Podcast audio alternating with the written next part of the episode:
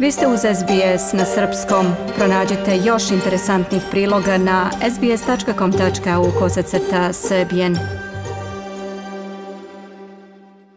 Na nedavnom samitu stručnjaka o klimatskim promenama u Australiji diskutovalo se o nacionalnoj strategiji prevencije razornih požara u budućnosti. Sastanku su prisustovali zvaničnici iz raznih sektora, bivši direktori vatrogasnih službi, nekadašnji vojni službenici, predstavnici autohtonih zajednica kao i naučnici koji istražuju svetsku klimu. Njihov glavni cilj je bio da donesu zajedničku odluku o tome kako da se spreče ponavljanje crnog leta u Australiji, misleći pritom na sezona požara koja je proteklog leta odnela mnoge živote i nanela nesagledivu štetu biljnom i životinskom svetu. Greg Mullins, bivši komesar vatrogasne spasilačke službe u Novom Južnom Velsu, kaže da nema sumnje da klimatske promene utiču na šumske požare. Situaciju možemo da uporedimo sa ključalom vodom na šporetu. Do određene granice možemo da brišemo ono što je prekipelo, ali u jednom momentu pomoći će nam samo ako isključimo šporet. Moramo smanjiti temperaturu, ne samo zbog nas, već i zbog budućih generacija. Ja imam unuke i zbog toga se još više zalažem za promene. Kako stvari trenutno stoje, oni će naslediti svet u kome više ne može da se živi. Sezona požara 2019-2020 bila je najgora zabeležena. Više od 17 miliona hektara zemlje je izgorelo i 450 ljudi je preminulo od posledica požara i dima. Više od milijardu životinja je uginulo. Zbog tih posledica u februaru je započeta Kraljevska komisija koja istražuje načine reagovanja države na prirodne katastrofe. Samit koji je održan putem virtualnog video sastanka okupio je stručnjake koji nisu bili uključeni u prethodnu komisiju. Među njima je bila i naučnica Leslie Hughes koja kaže da klimatske promene pogoršavaju uslove time što povećavaju broj udara groma, dovode do dužih i ozbiljnijih suša kao i do toplijih leta. Ovo treba da nam bude upozorenje, deo toga što nas čeka u budućnosti. Resursi koji se investiraju u sektor za prirodne katastrofe i hitne slučajeve će morati znatno da se povećaju ako budemo imali još jedno ovakvo leto. Ovo nije samo jedan usamljeni slučaj, već veoma ozbiljno upozorenje, procenila je Hughes. Na samitu se takođe diskutovalo o sposobnosti australijskih vatrogasaca da gase požare ako sezona bude trajala duže i ako bude gorelo jače nego u prethodnim godinama. Cheryl Durant, nekadašnja šefica odeljenja za spremnost australijskih vojnih snaga, kaže da je i odbranbeni sektor već 10 godina istražuje klimatske promene i da one sada predstavljaju bezbednostni problem. Naime, vojna služba nije bila spremna da adekvatno reaguje na tešku situaciju protiv proteklog leta. Katastrofe koje su se desile prošlog leta bile su drugačije od prethodnih godina i od onoga što smo očekivali.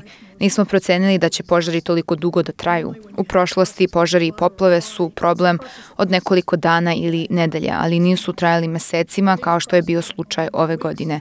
To nam stvara neprestani pritisak, ocenila je Durant. Stručnjaci su takođe kritikovali stav federalne vlade kada su klimatske promene u pitanju. Glavna zvaničnica klimatskog saveta Amanda McKenzie je istakla da se Australija ne pridržava zacrtanog cilja o smanjenju emisija štetnih gasova od 26 do 28 odsto do 2030. godine, mada prema njenom mišljenju čak ni taj cilj nije dovoljno dobar. McKenzie zato apeluje na države, teritorije i lokalne vlasti da preuzmu odgovornost kada je zagađenje u pitanju.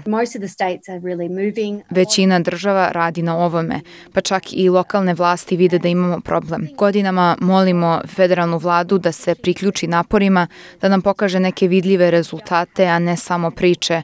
Oni to do sada nisu učinili i zbog toga ne možemo ni da očekujemo od njih da predvode borbu protiv klimatskih promena u budućnosti, rekla je McKenzie. Oliver Costello, izvršni direktor Firestix, alijance autohtonih korporacija, kaže da bi prve nacije Australije trebalo da predvode inicijativu za sprečavanje požara. Costello kaže da zajednice autohtonih naroda Australije imaju mnogo bolje znanje o zemlji i mnogo više iskustva s požarima i prirodnim katastrofama. On ukazuje na to da vatrogasne službe već godinama preventativno pale šume na pogrešan način, koristeći taktiku koja se često zove backburning ili hazard reduction burning.